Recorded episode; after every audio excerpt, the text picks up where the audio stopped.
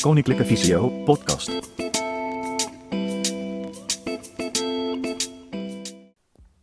Goedendag, ik ben Stefan Rijssen, digitale vaardigheidstrainer bij Koninklijke Visio. In deze podcast gaan wij het hebben over de uh, functionaliteit, de handigheid van een Google Nest Home Speaker in de keuken en het algemeen in het huis. Uh, in deze podcast uh, laat ik even een demonstratie horen. Geef ik wat voorbeelden wat je aan de speaker kunt vragen. Ik heb het kort even over wat verschillende soorten speakers je eigenlijk allemaal hebt. Uh, en wat de prijzen daarvan ongeveer zouden kunnen zijn. en daarnaast ga ik het ook nog hebben over de privacy van de, van de Google speaker of van assistenten in het algemeen. Ehm, omdat er toch vaak vragen over zijn, is het misschien handig om daar wat duidelijkheid over te geven. Nou, ik zou zeggen, laten we met de podcast beginnen. En hopelijk steek je er wat van op. Oké, Google. Licht in de keuken aan. Prima, ik doe acht lampen aan. Zoals je net hoorde, kun je dus heel eenvoudig, tussen aanhalingstekens, uh, je slimme lampen bedienen met een uh, Google Nest speaker. Uh, dit is even een kort voorbeeldje waar een slimme speaker dus voor gebruikt kan worden. En toevallig bevinden de lampen zich ook bij mij in de keuken.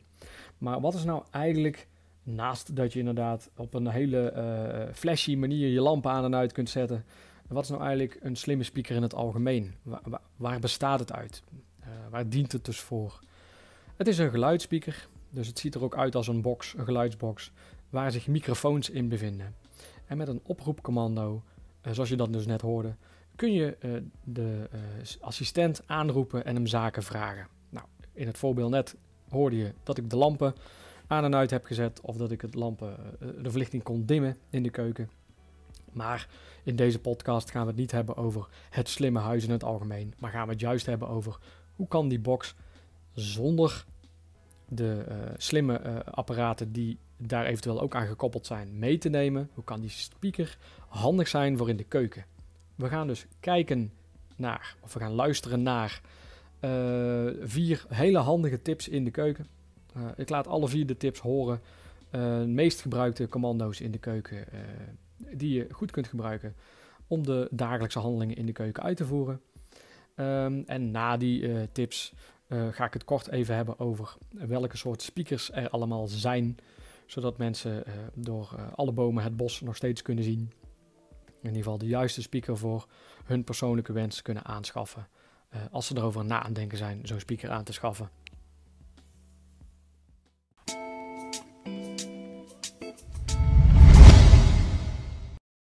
Nou, de uh, vier tips die ik wil meegeven voor de Google Speaker, uh, voor specifiek in de keuken, komen neer op de volgende tips.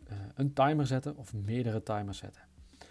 De maten ommeten, bijvoorbeeld hoeveel liter zijn twee eetlepels of hoeveel kopjes is 100 milliliter. recepten, dus ik kan recepten vragen. Op het moment dat ik dus vraag van nou zoek een recept van dit en dit, dan kun je dus een recept laten voorlezen. En als laatste, hoe lang iets moet bakken of koken, of grillen of braden, kan ik hem ook vragen, dan geeft hij indirect antwoord op. Ik zal ze even demonstreren. In eerste instantie beginnen met de timer. Oké Google, zet een timer voor 10 seconden. 10 seconden, de tijd start nu. Oké Google. Hey Google, zet een timer van 15 seconden. Tweede timer voor 15 seconden. De tijd start nu. En zo kan ik. Oké Google, stop timer. En zo kan ik dus twee timers of meerdere timers zetten uh, in de keuken om bepaalde dingen uh, op, tijd af te hebben. Op tijd te bakken en te braden en te koken. Oké okay, Google, stop timer. Nou, als tweede kan ik dus dingen laten ommeten. En daar zal ik gelijk even een, een nuance bij maken. Op het moment dat ik aan hem vraag uh, hoeveel eetlepels bijvoorbeeld 10 milliliter of hoeveel eetlepels 1 liter is, dan gaat hij het over tienduizenden hebben. Dat komt eigenlijk omdat hij het met drie cijfers achter de komma wil vertellen. Maar hij vertelt het dus gelijk als 10.000 of 20.000, terwijl hij dus eigenlijk 20 uh, bedoelt. Dus nuance, luister daar goed naar als hij bijvoorbeeld een onmogelijk getal zegt. dan kan het zijn dat hij eh, drie cijfers achter de komma als 1000 zegt.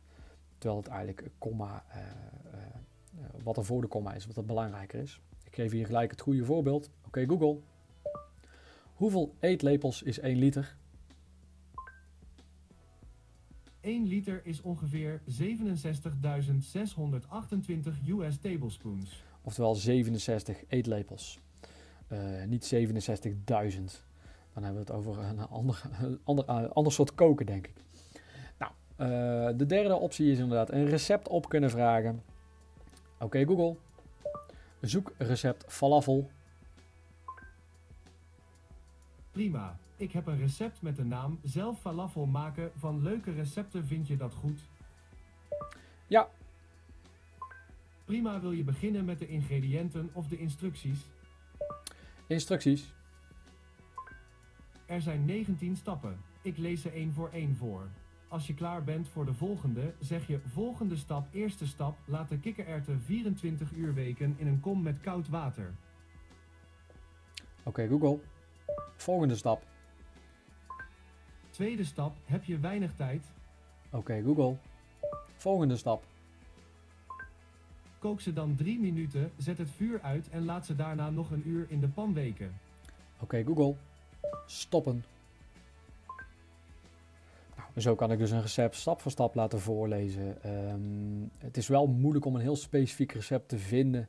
Dus wil je bijvoorbeeld eh, eh, pasta met roomkaas, spinazie, champignons en nog wat, dan, hoop, ja, dan kan het dus zijn dat hij niet het specifieke recept eh, gaat benoemen dat je wilt hebben. Maar het is wel heel handig om gewoon een leuk recept te vinden op deze manier. Nou, en als laatste tip is inderdaad hoe lang moet iets bakken of koken. Ik kan hem dus vragen bijvoorbeeld hoe lang ik over een medium biefstuk moet doen. Het hangt er wel vanaf hoe je deze vraag stelt. Het kan dus zijn dat je de vraag op een andere manier moet formuleren om een juist antwoord te krijgen. Oké Google, hoe lang moet ik een biefstuk bakken om een medium te krijgen? Ik weet niet of ik daar een goed antwoord op heb, maar dit heb ik gevonden op internet. Op de website hoelangmoethetkoken.nl zeggen ze: Hoe lang de baktijd is, hangt van de dikte van het stuk vlees af, maar ook hoe je het liefst gebakken hebt. Voor een rood stuk vlees kun je van een baktijd van ongeveer 1,5 minuten bakken per kant. Dus 3 minuten in totaal. Rosé ongeveer 2,5 minuten per kant en 4 tot 5 minuten per kant voor doorbakken biefstuk. Oké Google, hoe lang moet ik macaroni koken? Ik weet niet of ik daar een goed antwoord op heb, maar dit heb ik gevonden op internet. Op de website kookse.tv zeggen ze: Breng het water onder af en toe roeren opnieuw aan de kook. Kook de macaroni in 7 minuten gaar. Houd voor wat zachtere macaroni een iets langere kooktijd aan. Nou, en zo kun je dus heel makkelijk vragen hoe lang iets moet koken, of bakken, of braden, of grillen. Je hebt drie verschillende variaties van de Google Nest speakers. Ik behandel ze alle drie hier heel even kort en eh, vertel ongeveer wat de prijs eh, is van alle drie en eh, wat het verschil is tussen alle drie. Ehm, nou, de, de drie speakers die ze hebben zijn de Google Nest Mini, de Google Nest Audio en de Google Nest Hub. De Google Nest Mini, zoals het naam ook zegt, is de kleinste. Ehm, heeft de minste geluidskwaliteit, maar is wel het meest betaalbaar. Ehm, koop je deze in de aanbieding rond de kerst, Sinterklaas, eh, de voorjaarsaanbiedingen kun je hem al krijgen voor eh 25 of 35 euro. Eh, normaal zal die rond de eh 45 of 50 euro zijn. Eh, let dus op dat je eh, op het moment dat je een aanbieding krijgt voor een Google Mini van 85 euro, dan zou ik dat niet doen. Ehm, want 85 euro is juist de prijs voor de Google Nest Audio. Dit is een wat grotere variant. Het heeft ook een veel voller en beter geluid en is eigenlijk ook meer bedoeld voor eh, naast de assistentgebruik eh, muziek te luisteren. Ehm, je hebt eh, tegenwoordig ook double packs, oftewel dat je twee boxen hebt die gelijk een stereopaar vormen. Hartstikke goed geluid voor slimme speakers in huis. Ehm, dual pack kost ongeveer 150 euro, enkel kost die 85. Eh, ook deze kun je in een aanbiedingstijd eh, rond, voor rond de ja, 70, 65, 70 euro eh, hebben. en in wat schaarsere tijden kan die best wel richting de 100 euro gaan. Dus let ook vooral op Als je deze wilt aanschaffen, omdat je naast gewoon de assistent ook goed geluid wil hebben, dat je even let op van, goh, betaal ik er niet te veel voor en moet ik misschien niet eventjes wachten. Als laatste is de Google Nest Hub. De enigste um, uh, speaker met een scherm. Uh, deze wordt ook Hub genoemd omdat het een slimme huishub is. Je kunt dus via het scherm uh, allerlei andere apparaten in huis ook bedienen zonder een spraakcommando te geven. Um, omdat dit apparaat een scherm heeft, zal hij niet alles auditief terugvertellen. Dus op het moment dat ik hem bijvoorbeeld een receptvraag stel of iets anders, dan zegt hij alleen maar dit heb ik gevonden. En dan moet je visueel op het scherm moet je het resultaat aantikken, aanwijzen, om het eventueel te lezen of te laten lezen. Nou, dit is dus vrij lastig voor onze doelgroep. Uh, zie je zo slecht of zie je bij helemaal niets, uh, is het maar de vraag of je iets aan de Google Hub hebt. Um, je kunt wel op de Google Nest Hub een schermlezer aanzetten altijd. Dus je kunt wel een talkback functie die van Google aanzetten, zodat hij altijd op het moment dat je het scherm aanraakt, toch zal voorlezen wat je aanraakt. Maar is dat een toegevoegde waarde als je ook kunt kiezen voor een, uh, een Google Nest Audio die A beter geluid heeft en B geen scherm? Uh, ja, dat is dus heel persoonlijk. Um, kijk vooral op het kennisportaal uh, van Visio ook even naar de uitleg over de Google Nest Hub. Wel of niet handig. en maak daar een keuze in. de prijs van de Google Nest Hub schrik niet, kan gemiddeld 120 euro zijn. Heb je deze in een aanbieding, kun je ook rond de 70 of 80 euro denken. Maar hij kan dus ook inderdaad wel 150 euro kosten. Dus bedenk goed of een scherm een toegevoegde waarde heeft. In dit geval, als je het wil gebruiken voor de, voor de assistentfunctie alleen, uh, kan het zijn dat je de, uiteindelijk nee denkt. Maar goed, uh, uiteindelijk is, het aan, is het aan degene die hem gebruikt om te beslissen of het scherm wel of geen toegevoegde waarde heeft.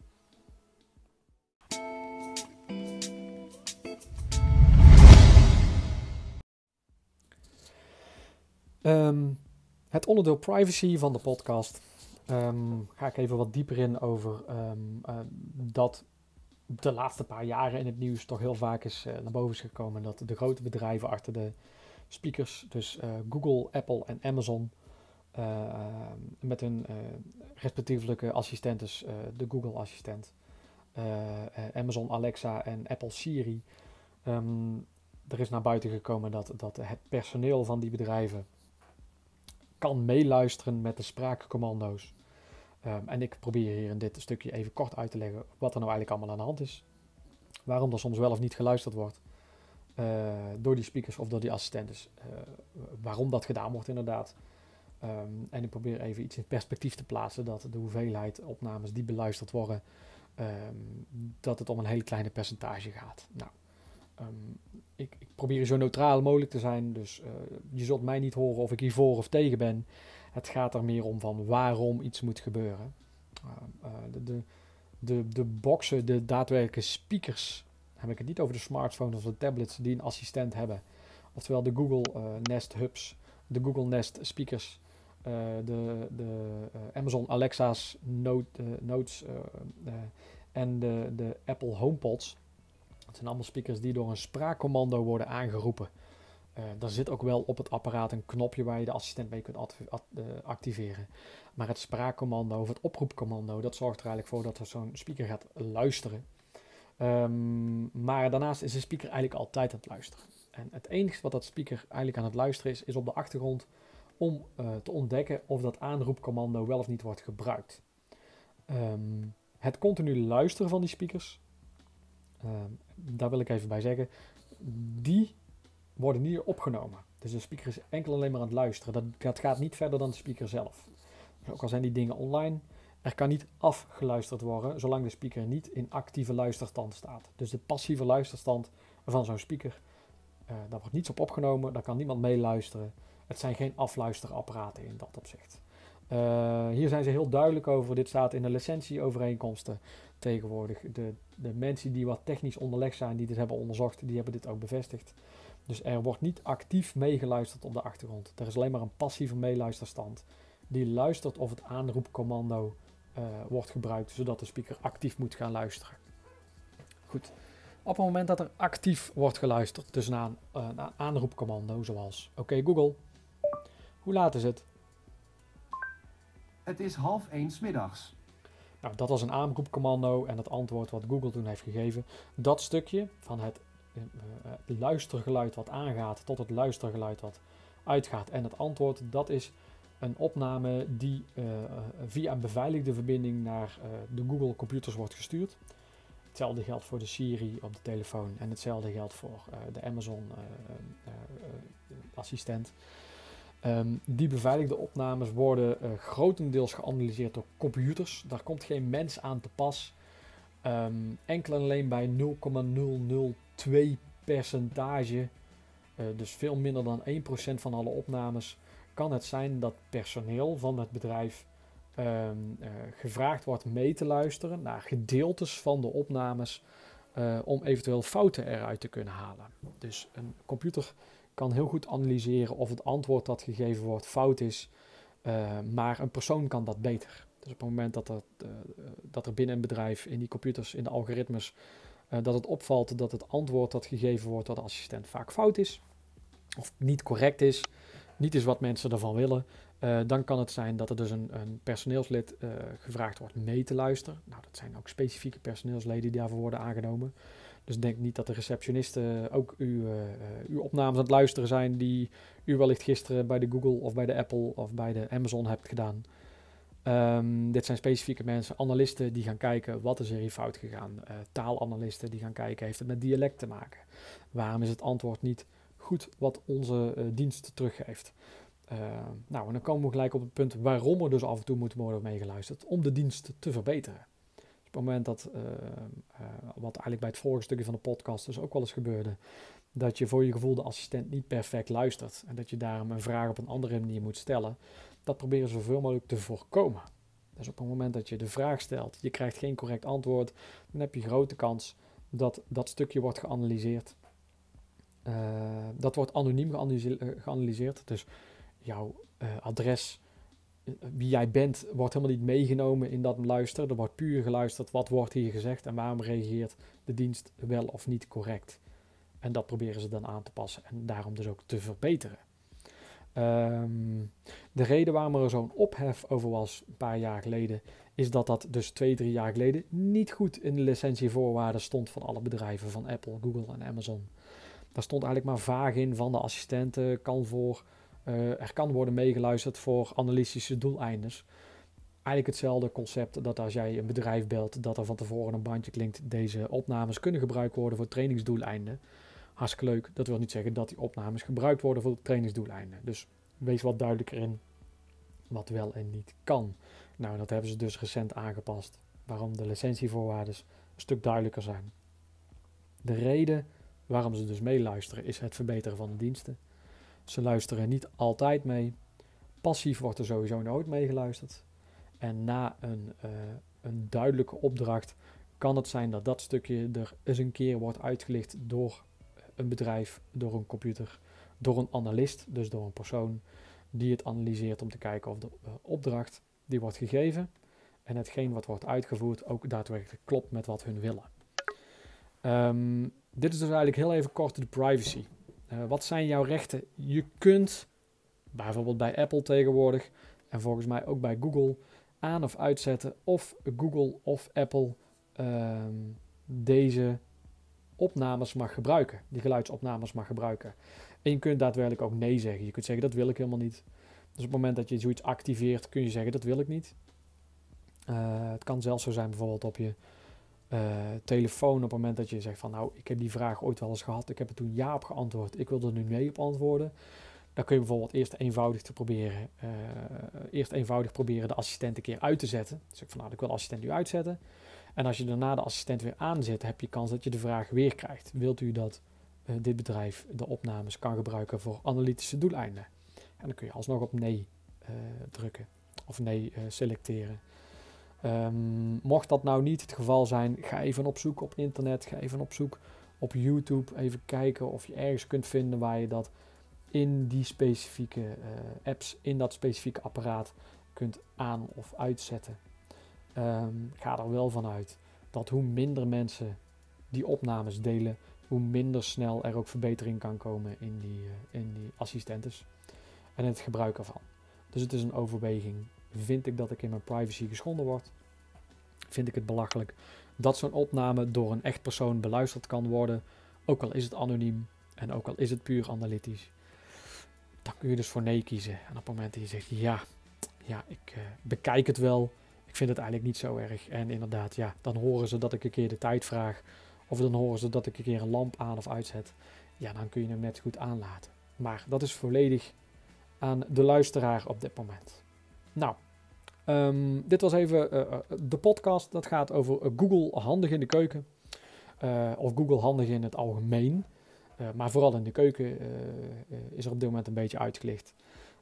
daarnaast is de Google Assistent natuurlijk nog handig voor in het rest van het huis. Voor muziek of media af te spelen of andere zaken. maar goed, daar moet u het kennisportaal van Koninklijke Visio maar goed voor in de gaten houden. Want wellicht is daar ook genoeg over te vinden. Uh, waarschijnlijk is daar genoeg over te vinden hoe je dat, dat soort dingen dus gebruikt en aanstuurt. Nou, uh, als u het een, leuke podcast vond, dan horen wij graag reacties. Als we iets kunnen verbeteren, horen we ook graag reacties. En uh, nou ja, hopelijk tot de volgende podcast. Vond je deze informatie nuttig? Kijk dan eens op kennisportaal.visio.org voor meer artikelen, instructies, video's en podcasts. Heb je een vraag? Stuur een mail naar kennisportaal visio.org of bel 088 585 5666. Wil je meer weten over de dienstverlening van Koninklijke Visio? Ga dan naar www.visio.org.